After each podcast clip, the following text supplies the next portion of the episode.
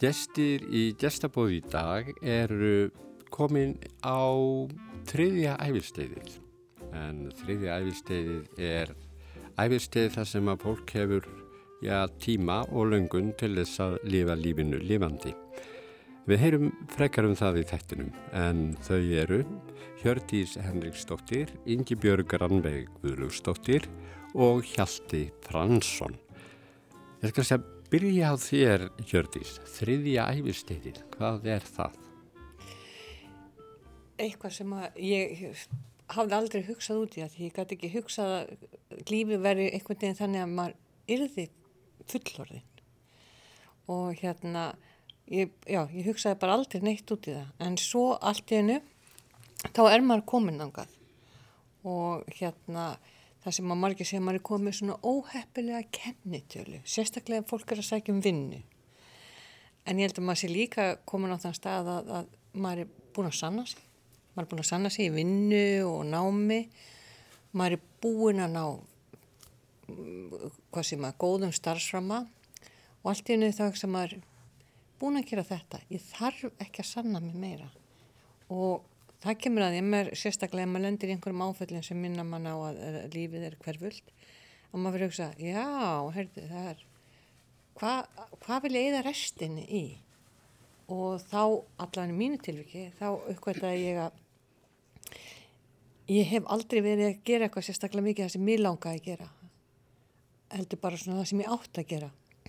En núna þá hef ég snúið um uh, þessu við og, og, og hérna og ég vel, ég forgansa það og ég vil aðalega hafa bara skemmtilegt, hlúa að, að mínum og vera með góða vini og, og, og hérna samfélagmenn og gera skemmtilega hluti.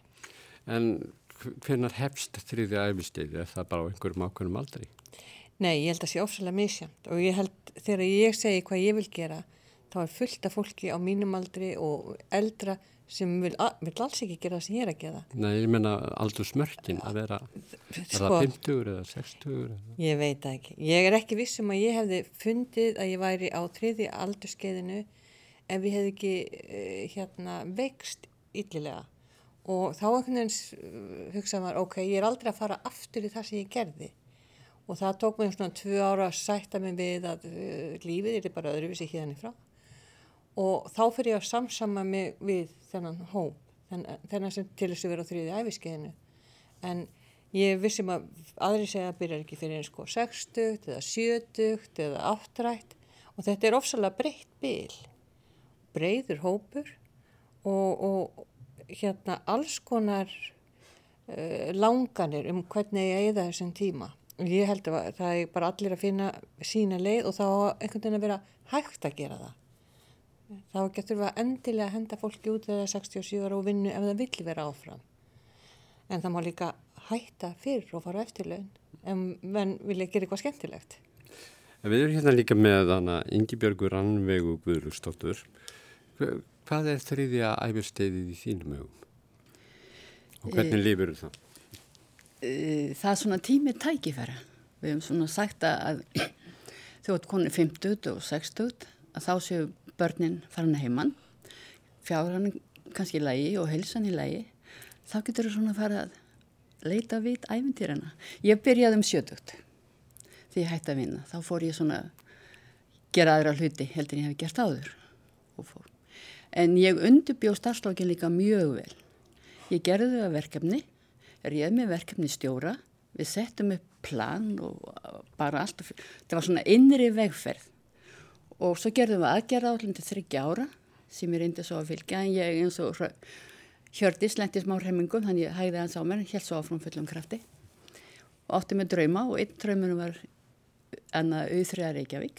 Þannig að fyrir mér var þetta tími tækifæra og ég er búin að vera að gera mjög margt á þessum tíma. Minnist þarna auðþriða Reykjavík, þú verður eiginlega að stýra það út fyrir hlustunni Já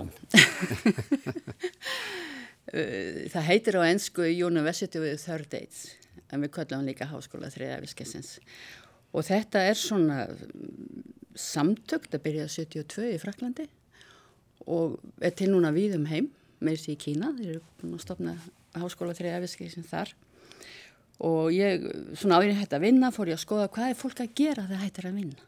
Hvað gerir þau á daginn? Og þá fann ég þessi samtök eða þessa reyfingu og hugsaði með þetta verður nú skemmtilegt og fylltist með hennu og sem, já, þetta, ég ætti nú bara að skota betur. Og sá var heimsrástefna á Indlandi. Svo ég brá mig þangað. en þá var þetta rástefna sko eila Kirrahafs samtakana eða þessum Ástralíu, Singapúr, og, og Suður-Afrika var líka og svo voru nokkur reyningdingar og þetta var svo skemmtilt fólk að ég kynnti um tveim ágjötum mönnum sem stötti mig svo í það að koma fót auðra á Íslandi eða í Reykjavík það, Hvað var eh, svona aldurs uh, hvað var aldur þessa fólk sem það var á þessar ástöfni? Þetta voru undarlega, þetta var um 500 manns og alltaf ekki verið svona 50 sem ekki voru sko indverjar Nei, ég meina aldur Ég held að bara vera á öllum aldri. Alveg neyri tvítu? Nei, nei, nei. En hins vegar eh, hef ég svona haldið vinna í Evrópuverkefnum mm. og þar er fólk kannski alveg vonið 35 ára og, og, upp og ég er nú yfirlt eldst en já. En þetta er yfirleitt fólk sem er sem er yfir 50? Yfir 50 og það er svolítið, svolítið missamlega skilgrend sko. Við skilgrendum það 50 pluss en aðri skilgrenda þjótt konu eftirlun þegar starfsæfni er lokið eða formlir starfsæfi mm. þá tekur eitthvað annað við og þá er það háskólið þrjafskilt meðal annars. Við ætlum að heyra það sem er öfund eftir en við skulum ekki gleyma að hér er líka Hjalti Fransson með okkur hér í hljóðstof. Mér langar að heyra hvað þú segir, hvað, hvernig, hvað er þriðja æfirsteyðið, svona hvernig lítur þú á það?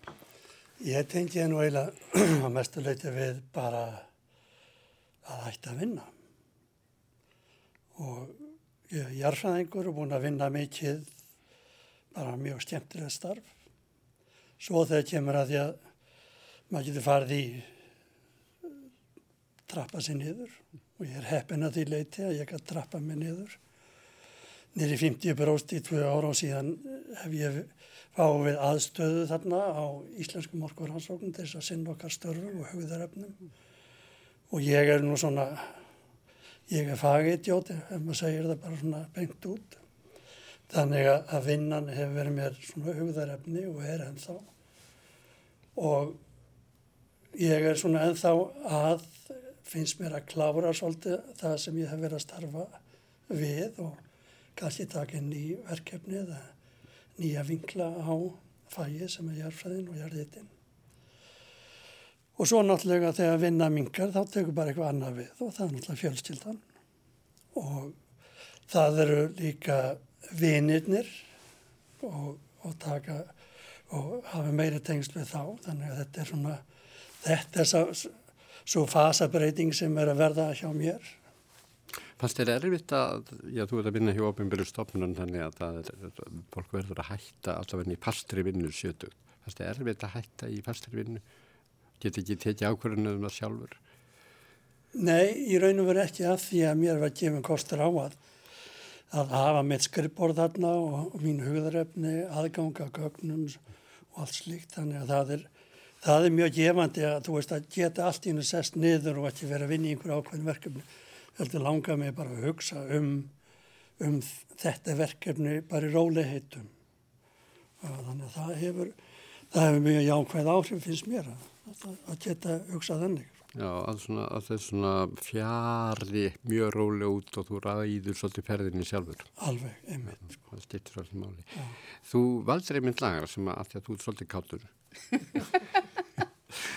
káttur með, með stöðu þína. Eh, þú valdir lagar sem að, já, svolítið í teimdur. Hvaða valdur þau? Ég valdi kátti voru karlar. Og var eitthvað sérstaklega ástæða fyrir því? já, já. Ég hafði nú eina ástæði en svo fór ég að hugsa um það að káti voru karlar. Ég var nú í síldin í gamla daga á Norðferði. Þetta myndi mig á það. Síðan eru náttúrulega eru þau ótaljandi partí sem hefur verið í og, og þá er þetta náttúrulega söngu sem glimur mjög fljótt og vel.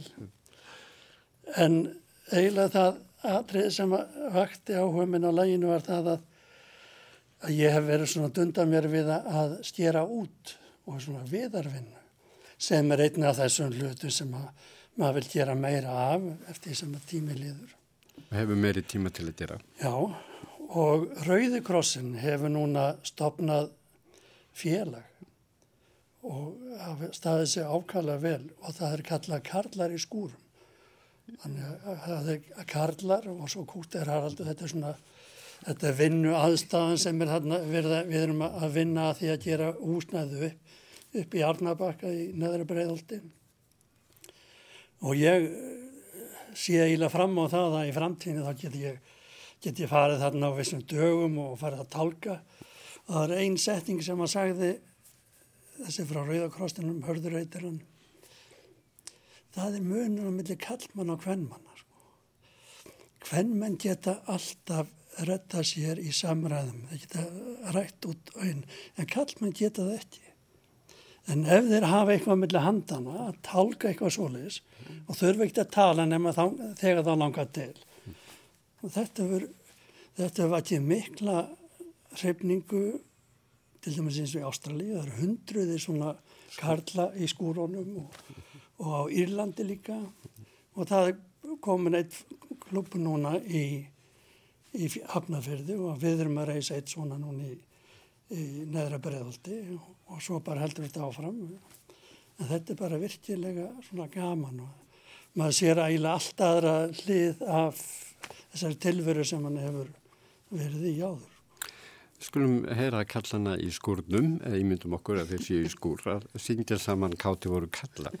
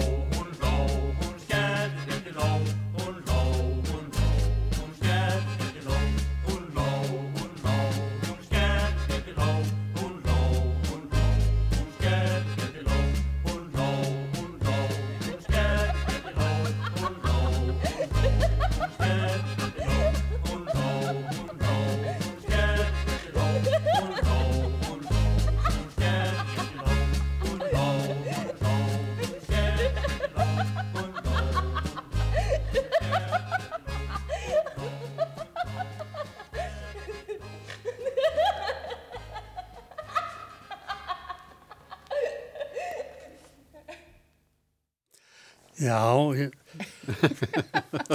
ég man ekki eftir því að, að hún hafi verið hlæjandi, sko, en líklegast verður konan hlæjandi heima þegar ég fer að tálka upp í breyðholti. ég vona það alveg. Þetta var allavega stemtileg útgáfa hjá Skagakvartitunum sem flutti þennan söngum Káti Kallana sem að, þetta ágjörlega við hæfið, þetta var nú Gutter Haraldur frá Akranissi sem að lagði þarna hafn. En Má spyrja, já, það má spyrja. eru engar konur í skúrnum? Nei, en ég held að sé ekkert í lagabóstafnum sem segir að það með ekki koma. Er þetta ekki átak vegna þess að kallmenn þeim hefur verið meiri hætta á með aldrei ennum að einangrast Já, og þess vegna búið Rauðikrossin í þetta átaka því að þau reynst vel í öðru löndum að að fá, já, kalla hana út úr skapnum og inn í skúrana. já, já, já, já, já. Þetta er bara, ég held að það sé mjög góð hugmynd og bara hafi, miða við undirtektir hérna í Ástralíu og, og Írlandi þá, þá er, er þetta bara nöðsilegt að koma á svona kalla veröld. Já, einhverju. það er, það er gömul menning í Pæriðum, það er, það eru kjallarar, allir kallmenn í Pæriðum, þeir eru að dunda sér í kjallaran. Það þykir alveg ómissandi í Pæriðum að kallar hafi aðganga kjallara, þar sem þeir eru með sín tól og tæki og eru þar að dunda sér. En það er svolítið einmannalegt að þau eru einir þannig að þetta verkefni er svona að búið að setja það á annar stig þannig hjá Rauðagrossinum að koma allavega þá saman og verði Já, ég er með bílskur en ég myndi miklu fyrir að vera fara eitthvað út í bæ og, Og tálka með öðrum. og tálka og segja setningin á milli. En þessi, hérna, hann er búin að segja okkur hann hjálti svona hvað hann hefur starfað við en þú ert ennþá uh, á, í fullri vinnu Hjördís. Hva, hvað starfað þú við? Já, það er ekki rétt að ég sé í fullri vinnu, en ég hef svona, eh, eftir að ég hérna eh, útskrifaðist, þá var ég lengi vel hjá Rannís. Og hvað útskrifaðast þú hverju? Það heitir International Relations á, á hérna ennsku, alþjóðlega samskipti, en það er í grunninn svona mikið eh, stjórnmálafræði. Þannig að það er nú eh, svona kannski ekki mjög skýr munur á milli þessar tvekja faga, allavega ekki þegar ég var að læra.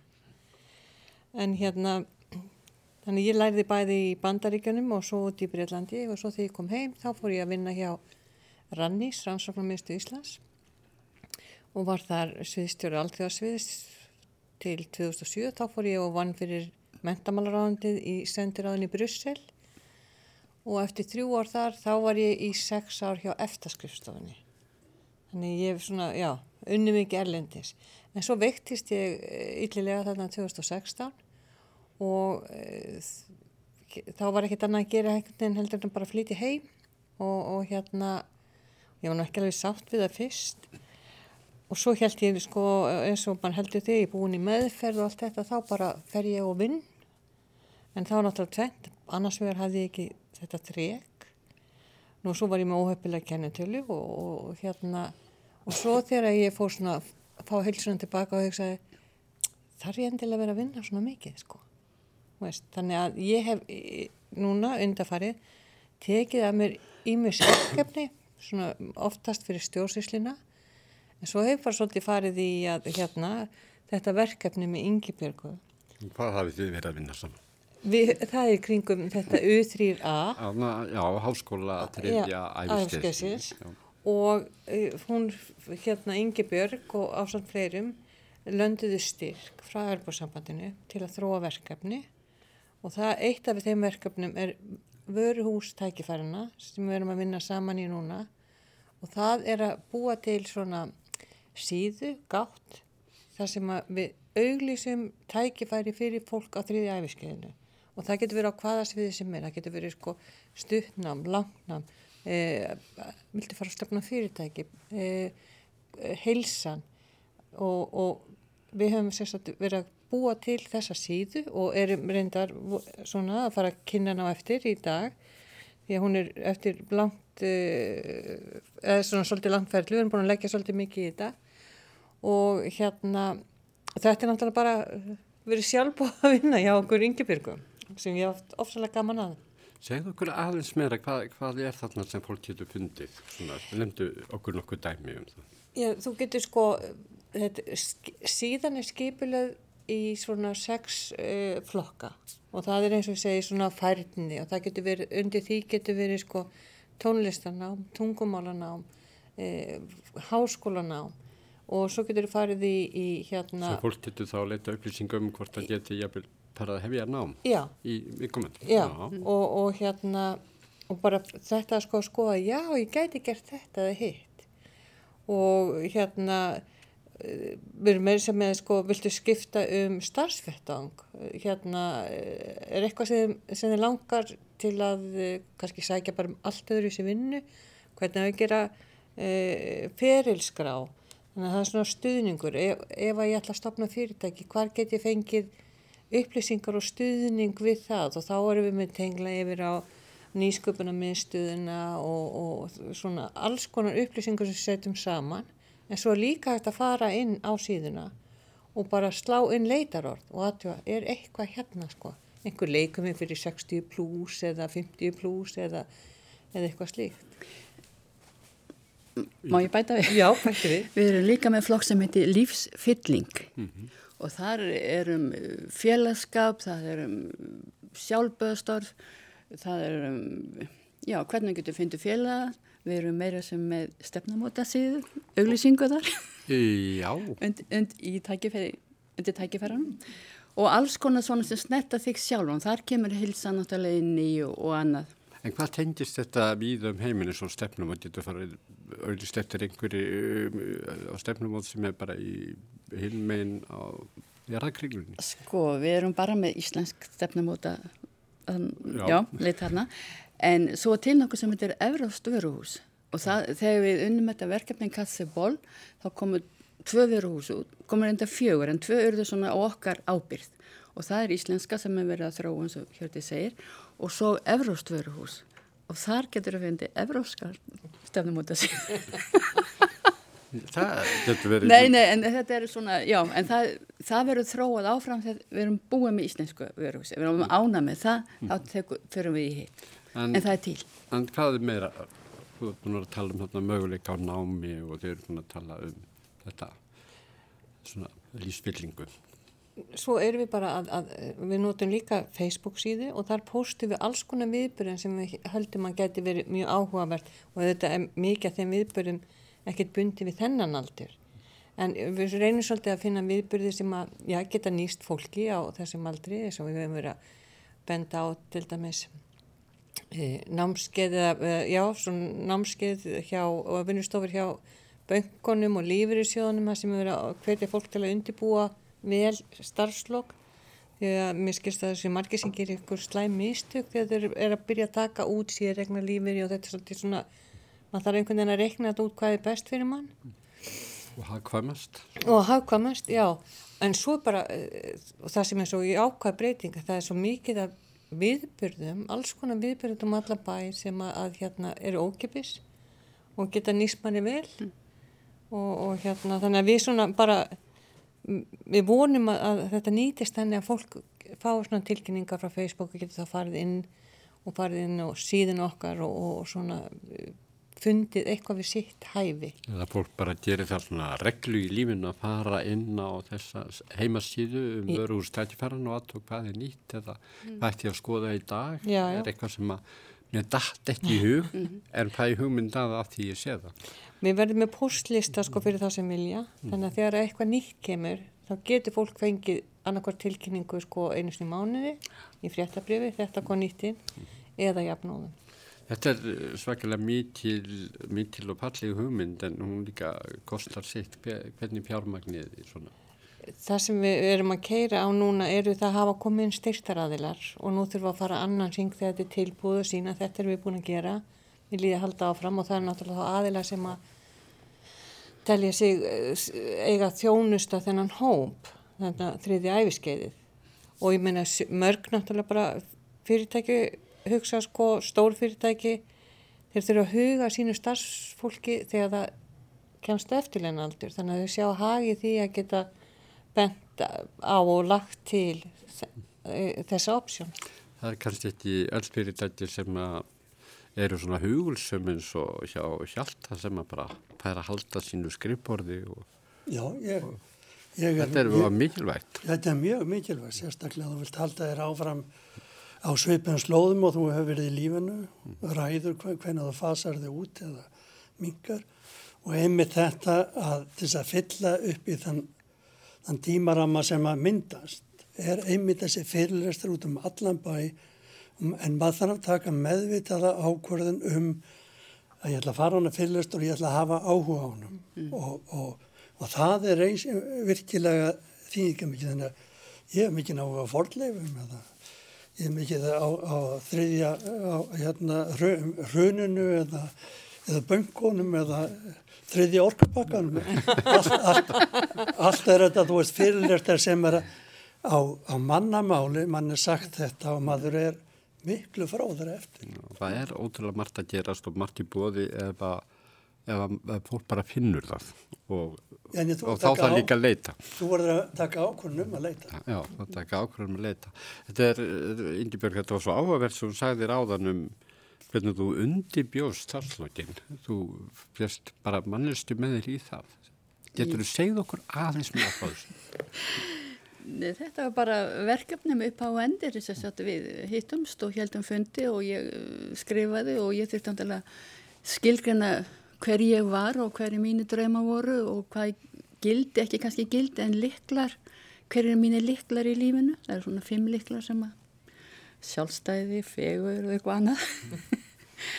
Og list, ég er mikið ná á list. Já og við bara unnum þetta og mjög skilmerkilega og, og rættum kaupa kjör og allt þetta. Þetta var bara ákveði verkefni. Hvernig mannist þið var þetta sem fannst og hvernig fannst það nú fyrir aðeins hægar í þetta? Já, sko ég var í leitóðatjálnu hérna, þetta verið kringum 2000 og það var eitt kennari sem ég fannst mjög góður. Og skulum segja hún við sko kannski eitthvað ekki gengið upp en hún stóð alltaf upp aftur og, ger, og held áfram að gera nýja hluti. Sem ég fannst hún að hafa kjarkjan sem geti svona, og hún geti sparkað í mig sko, ég vildi ekki vera mannski sem bara segja já, þetta er fínt, já, heldur bara hamraða svolítið á mér til þess að fá gútur en einna með dröymu var að stopna auðrýra og það tóst og svo sem aðra dröyma líka Við komum með öðrum dröymum eftir. En mér langar svolítið til þess að splita lægi sem að þú valdir. Þú verður náttúrulega að segja okkur hvaða lag þú valdir og af hverju. Ég valdi lægið Sagt að við gór ég ennum stann á Mónika Settilund syngur það. Ég bjóð mjög lengi í Svíþjó, nýja ár, en þetta lag hefur kannski þýðingu fyrir mig að ég leiti að ég er svona norrænum hóp þrýja æfiskessins sem var saman í námi Stokkólmi 85 og hefur heista hverju ári síðan. Eitthvað staðar á Norðurlöndum,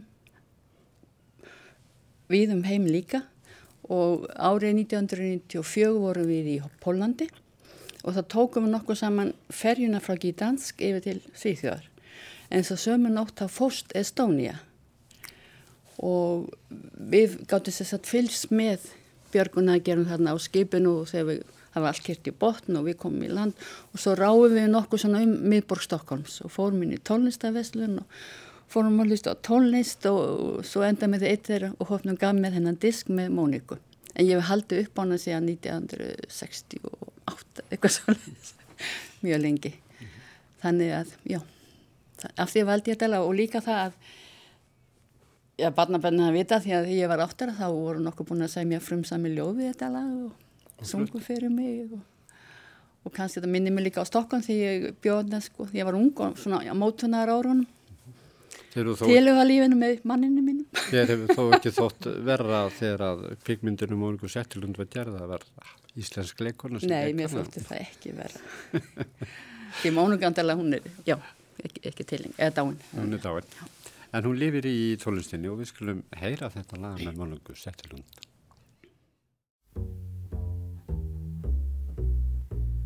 Åh, det är skönt när mitt Stockholm är grönt Sakta gå hem genom stan En kyss, sen går man sakta igen Sakta en tur genom stan och det är natt och på avstånd och skratt.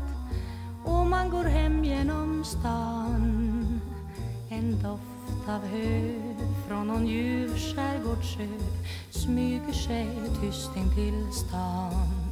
Precis som din arm så lätt och så varm känns sommarens vind mot min kind och natten står still, den finns inte till. En tystnad, en skugga, en vind. Den är så kort och den glider tyst bort när trastarna vakna i stan. Klockan är två, hela himlen är blå. Sakta vi går genom stan. Sakta hitåt ror en man i en båt. Stannar och ser på en svan.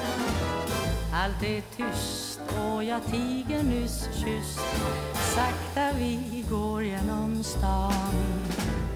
På Västerbron i den himmelska ron En spårvagn går ensam och tom. Alla hus målar natten i ljus. Hemligt går träden i blom. Här bor en miljon, säg hör de den ton Som Stockholm nu spelar för dem. De far härifrån, långt bort härifrån Men Stockholm det är ju vårt hem. Vart vi än går vet jag Stockholm är vår. När vi går hem genom stan Här går vi med en tyst melodi Ensamma i hela stan. Så stannar vi till vid fåglarnas drill Vi känner en doft av jord Och glada vi hör en jublande kör. Då stiger en gnistrande sol.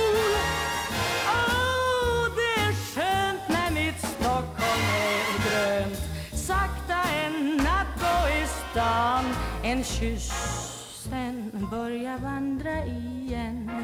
Sakta gå hem genom stan. Sakta gå hem genom stan. Sakta gå hem genom stan.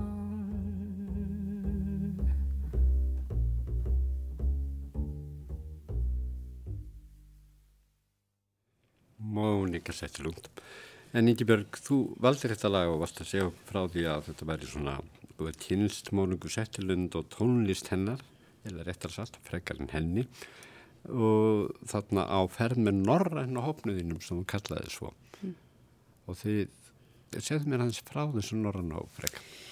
Já, við vorum, sko 85 vorum við í Stokkólmi í, það heiti hér Núrplan, það búið að leggja það niður, það var svona um samfélagsskipulag og það fóð þannig fram vorum mitt mánu í Stokkólmi, unnum verkefni, hittum svo aftur í Danmörk og Helsingur og vorum með eila Ístra eða þarna Ermarsund, ekki fyrir ekki, sem verkefni og svona. Og svo hittistum aftur í Stokkólmi með höstið, unnum svo stort verkefni fram að því og vorum þá í Stokkólmi og í Helsing, Helsingi og þessi hópur hann náði mjög vel saman, þetta var mikið partifólk Og þið var svona svipuðum aldrei þetta?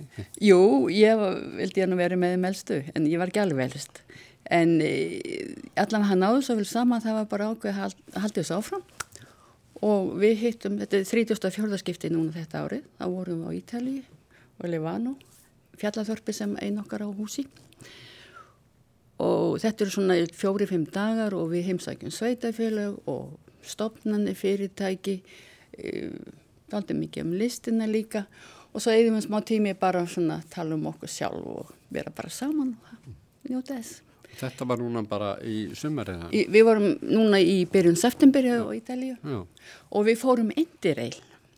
Uh, já. Já.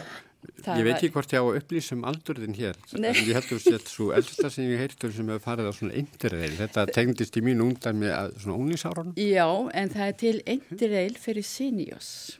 Fyrir eldri borgar. Já, og við sem sagt fórum þarna 11, 5 dögum gegnum Evrópu, skiptum alltaf um staði svona bara niður til Rómar og þá beig bíl eftir okkur og fór svo heim aftur tvo dag gegnum Európa upp til Kaupmannafnar og við vöktum mikla aðtekli. Við komum hérna gamlingjarnir sumist af, bakpoka? eftir eitthvað töskuna. Þið voru ekki með bakpoka eins og... Jú, jú, við vorum bak, jú, jú, sumir voru bara með bak, Sem er með hjólatöskur. sumir með hjólatösku, sumir með bakpoka og þeir sem ekki gáttu búið töskunni síðan þá bara einhver annaður. Já. En við vorum, já, fórum þarna og en vorum alltaf á fyrsta klassa. Þannig að fór vel um okkur. Og hver, og hvaða þjóðverðni var þessi hópur? Við erum, ég er eini Íslendingurinn, en svo eru normenn og svíjar og danir og finnar. Allt svona eldri borgarar á eittir eil. allt eldri borgar á Hjólatöskur og með bakpoka. sérstakann afslátt. Já, þetta er þetta sko alveg sakvæmt fyrir eldri borgar eins og unglinga að fara á eittir eil því að það er sérstakur gjaldflokkur. Já, en þú þarf til að vera, sko, þetta skipta um lestar Já, og þegar við komum frá Súrik til Basel, þá vorum við að missa við lestin í Basel og þá var að tala við lestastjóran og, og hann setti bara alltaf fullt og svo kom bara í að eindir eilinni væri þurft að ná lestin í Basel þannig að og við þurftum stundum að hleypa milli Já. breytapalla en Já. þetta var mjög gaman og mjög, já, bara sita svona saman í lestinni og spjalla og já, enginn var að fara neitt annað En talandi um þetta því að við erum að tala um svona eindir eil og, og maður er svona forpokkaður að maður setur alltaf bara unglinga samhengi við eindir eil og dettur ekki til huga að sé eitthvað annað fyrir en einhver segir manni það. Já. Og núna sagði þú mér frá þessu að þú geti verið eldri borgar og eindir eil. Já. En það er ímislegt fleila sem þú tekið upp á sem að fólki finnst ekki endilega sjálfsagt að fólk gerir þegar það er komið yfir miðanaldur. Þú hefur til mis farið í karate, þú var 60. Já, Já. e, ég átti sem sagt barnabann í karate þá og svo ákveðum ég og dóttir mín að við skildum prófa þetta líka. Það hafði ég verið í jóka eitt og halvt ár og ég man alltaf því ég ringdi og spurði og, og hún sagði já, sagði hann, við erum með hérna og ég sagði hann hvað ég verið gömul, ég var 60 og hún sagði já, við erum hérna með sem er 35 ára. Þá sagði ég, er ekki 40, ég er 60 og þá sagði stúlkan já þá verður þú að hafa sterk bein. Og það var svona áskorun þannig ég fór og, tók allt nema svartabeldi, tók sem sagt öll prófin átti að nýju próf Það er aldrei verið í karakter á karakter Nei, áður. en ég hef alltaf eiginlega stundar einhverja hreyfingu, bara alveg frá því ég var barn. Mm. Það var handbólti fyrst. Bjó, ég fattu upp alveg í Vestmannum, þannig var handbóltin fyrst. Og svo bara hef ég alltaf haft þess að þörfa að hreyfa mig.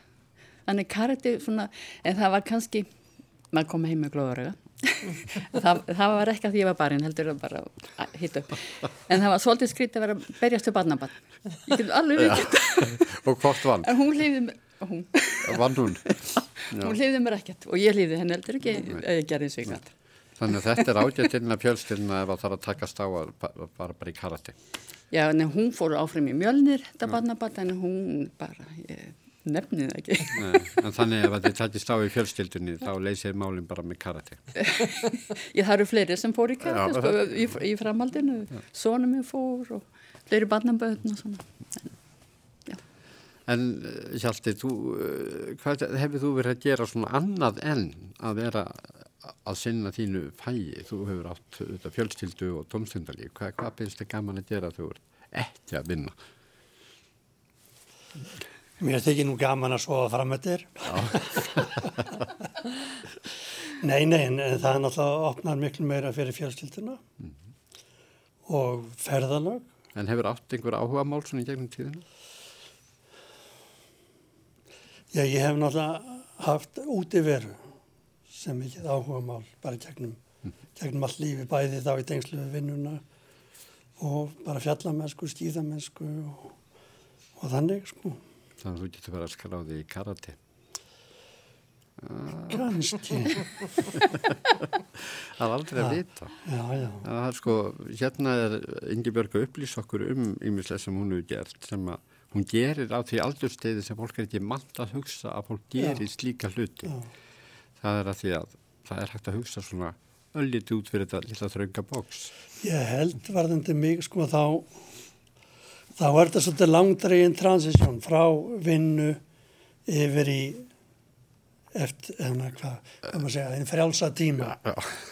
á eftir sko, þannig að ég er svona að þreyfa mig áfram með þetta allt saman. Já, finna hvað þið langar að gera. Já, og mér langar náttúrulega að gera æði margt sko, bæði að ferðast og við, við hjónun erum mikið að ferðast til útlanda, bæði þá okkur undir villi fæleira fósendar, svo sem er svo jarfræði eða bara, eða annara fósendar sko, bara hafa það gott, sjá hann upp samfélag og slíkt. En þú hefur tekið þátt í svona starfsemi U3A sem er háskóli þriðja æfistisins. Já. Hvað hefur verið að gera þar og hvað hefur upplifað í þessum háskóla? Ég held að U3 ha, hafi nú einmitt opnað svona huga minn einmitt fyrir öðrum málefnum. Það að vera með þessa mjög svo áhugaverða sko, fyrirlestra um hinn ímsu efni.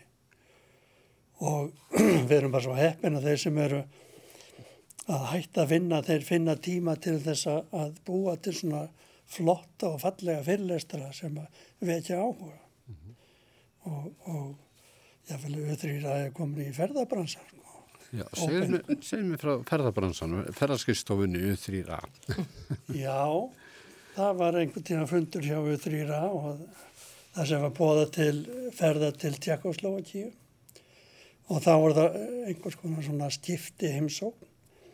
Það að það verði hérna hópur sem átt að vera eitthvað 26 manns sem færu til Tjekkoslovakíu, til Prag og þar myndi samskonar hópur taka mót okkur og sjá alveg um okkur til A til, frá A til setu. Verða þá fólk sem er í samskóla félagi? Já, samskonafélagi, kannski ekki alveg eins en jú í samskonafélagi.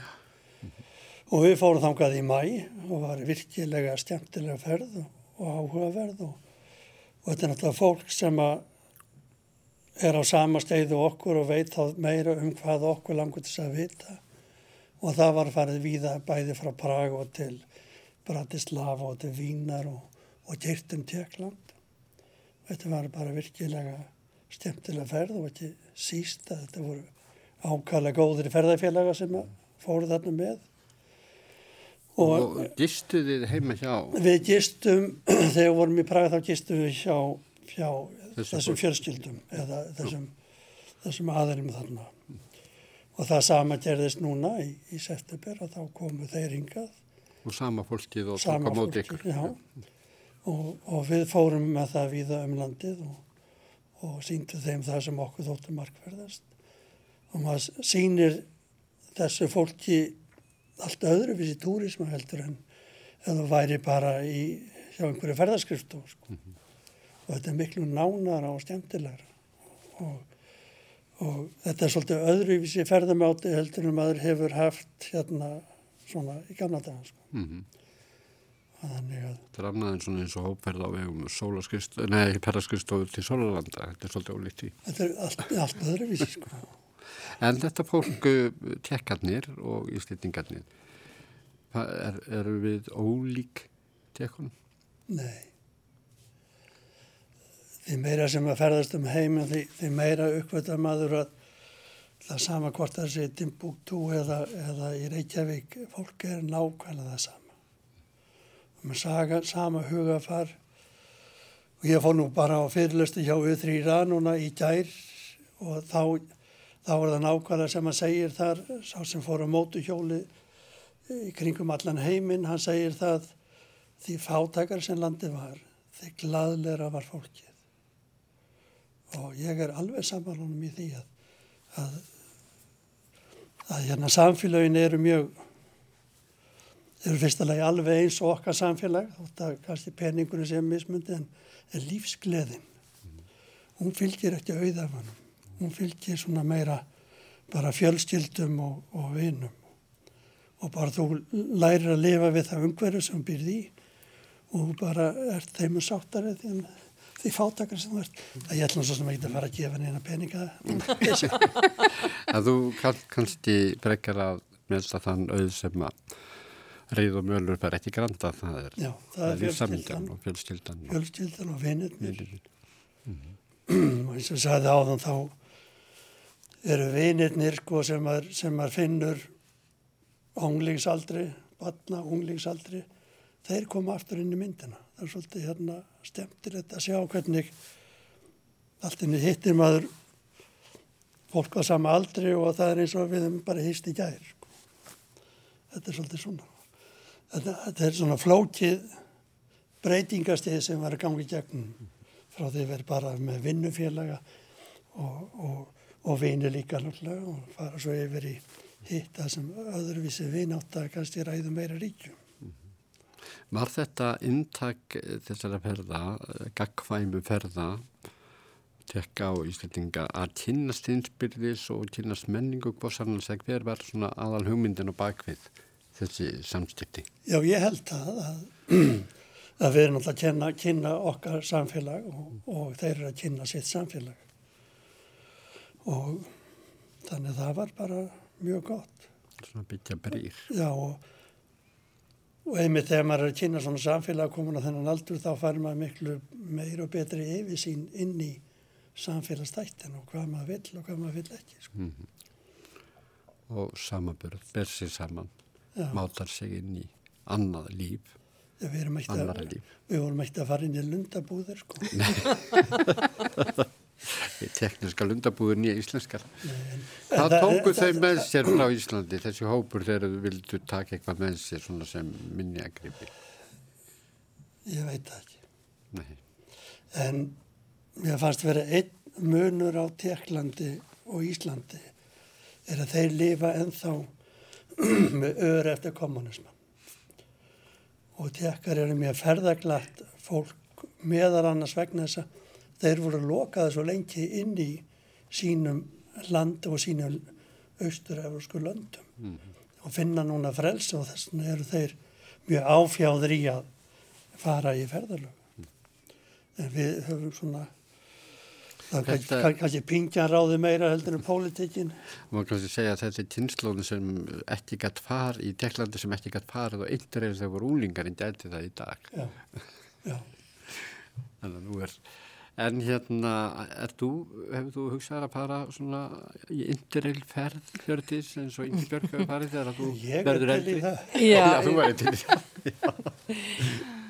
Ég hefur reyndar sko að ég tek með mér í tíma núna hérna, til að fara í frí og, og það var náttúrulega það sem ég hugsaði þegar ég veiktist hennan 2016 og svona hugsaði, ó hvað er ég Akkur var ég alltaf að spara peninga og greiða lánum, akkur tók ég ekki fleiri frí með strákonum mínum.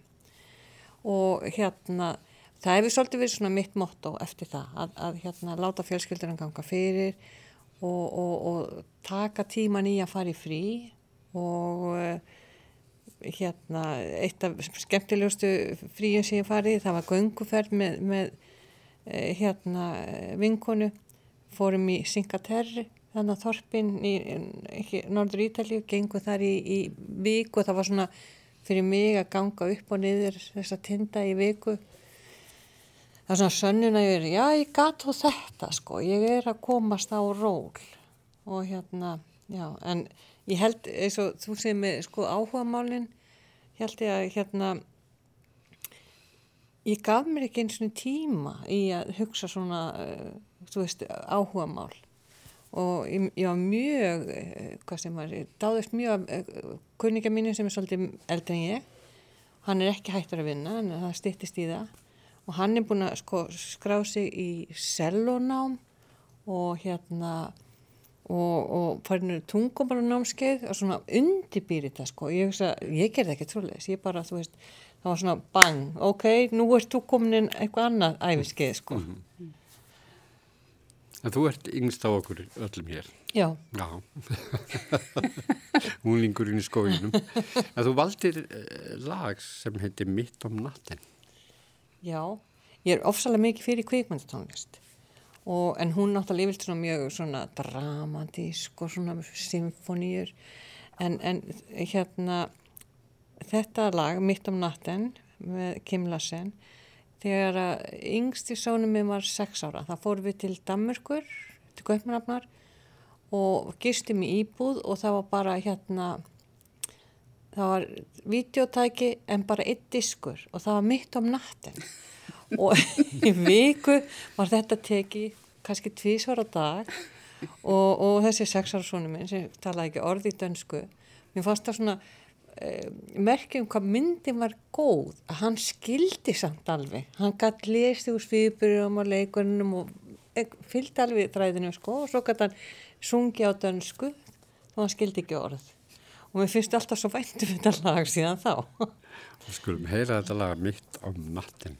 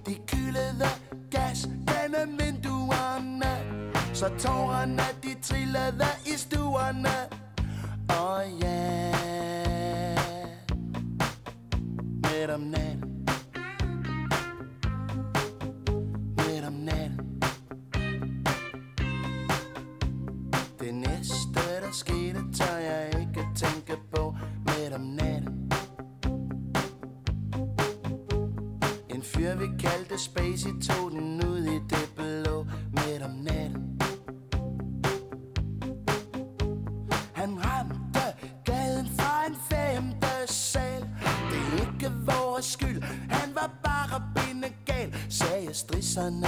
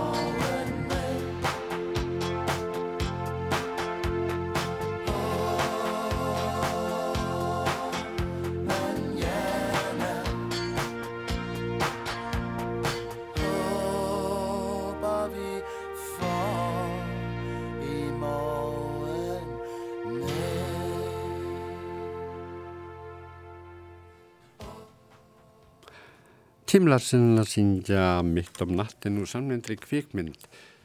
Það er eitt sem að við höfum ekki talað um, Ingi Björg, það er ástríður. Já, já mjög stóra fjölskyldu, já átján afkomundur, svona fyrir þetta tengdaböld, en þegar ég gleymi svona alveg stundu stað, það er þegar ég er að mála myndir með ólíðlutum og ansbyrja fyrst í vasslutum, en að mála þá bara, þá er ég bara sagt eini heiminn. Það þarf ástríð í lífið. Ég held að maður þurfi eitthvað svona sem að, uh, já, he, he, sem tekum maður svona tökum maður, það kemst ekkert annað að. þessa stundina. En nú er að fara að ljúka uh, þettir mjög okkur, þessari lillu samveru stund að sem við erum að fjalla um þriðjafisteyðið, Ingi Björg, Rannvegi Guðlustóttir, Hjördís Henristóttir og Hjalti Fransson. Hjalti, hvað ætlaðu þú að fara að gera núna þennan lögadar septimita þegar þettunum líkur? Já, það stendur nú ímislegt til svona í fjölskyldurvi. Kona mín sem, og við verðum, verðum við höfum verið gift núna í 50 ár næst þannastu lögadal, 4. oktober og það stendur nú ímislegt til og ég held að hún sé núna heima að finna myndir og hún er nú ljósmyndari svo þetta er nú ekki auðvöld verk fyrir hana að, að finna þetta. En, en Það er ekki að velja úr. Já það er erfitt að velja úr. Hún var að kvart yfir því áðan að það var flesta myndirnir af mér en ekki sér. Já, enda er hún ljósmyndarinn. Já, já, já, já. En það er svona verið að reyna að breyta því. En, en þetta er svona það sem er uh, ríkir helst núna Þetta er ástriða og svo erum við farað í gullbróðköp eða vorum í gullbróðköp í kjærkvöldi mm. svo þetta er rinja yfir okkar vini. Ég veit ekki hvað gullbróðköp verða algeng svona þegar tíma líða. En þú veist þess að það er ástriðan sem byrtist í það að vera undirbúa til þetta í gullbróðköp En eh, Hjördís Já. Hvað ætlað þú að gera núna þessum eftirlífið þessa lögadags? Herru, það vil svo skemmtilega til að árið 2005 þá fekk við styrk frá Evropasambandinu til að setja upp fyrstu vísindabökunna og síðan hefur hún verið nær árleg. Og við Ingi Björg erum að fara á eftir út í lögadagsöllina á vísindabökunna 2019 og þar ætlum við að kynna uh, tvö verkefni á vegum U3A sem hafa fengið styrk og hafa verið þróuð. Það er annars vegar þetta vöruhústækifarana sem ég var að segja ykkur frá áðan og þar ætlum við að sína nýja vefin okkar. Og svo allar Ingi Björg, hún er í fórsvari fyrir uh, menningaverkefni sem fekk líka styrkja frá Európa-sambandinu sem heitir HEIM, það er Heritage In Motion. In Motion. Og það er hægt að taka þátt í því, það er verið til dæmis námskeið framöndan það sem verið að leita leiðbyrnendum þannig að, mm. þannig að ég bara vil hvetja alla þetta er skemmtilegur viðbyrðu fyrir alla fjölskyldina hvar, verður þetta? Þetta er lögatarsallin klukkan, klukkan þrjú Já. og er til klukkan átta og allir velkomnir allir velkomnir og hérna ókipis og þetta eru þetta eru fjölmargir aðilan að sína hvað þeir eru að vinna með rannsóknarstofur, háskólar, fyrirtæki, félagsamtöku eins og við hérna. Mm. Þannig að upplagt fyrir alla fjölskylduna. Og okkur allt sem hér erum, en það er komið að lokum þáttarins. Ég þakka ykkur fyrir komuna hingað í gestabóði Hjördís Hendriksdóttir, Ingi Björgar Rannveig Guðraugsdóttir og Hjalti Bransson. Takk fyrir. Takk sem við leiðis. Takk.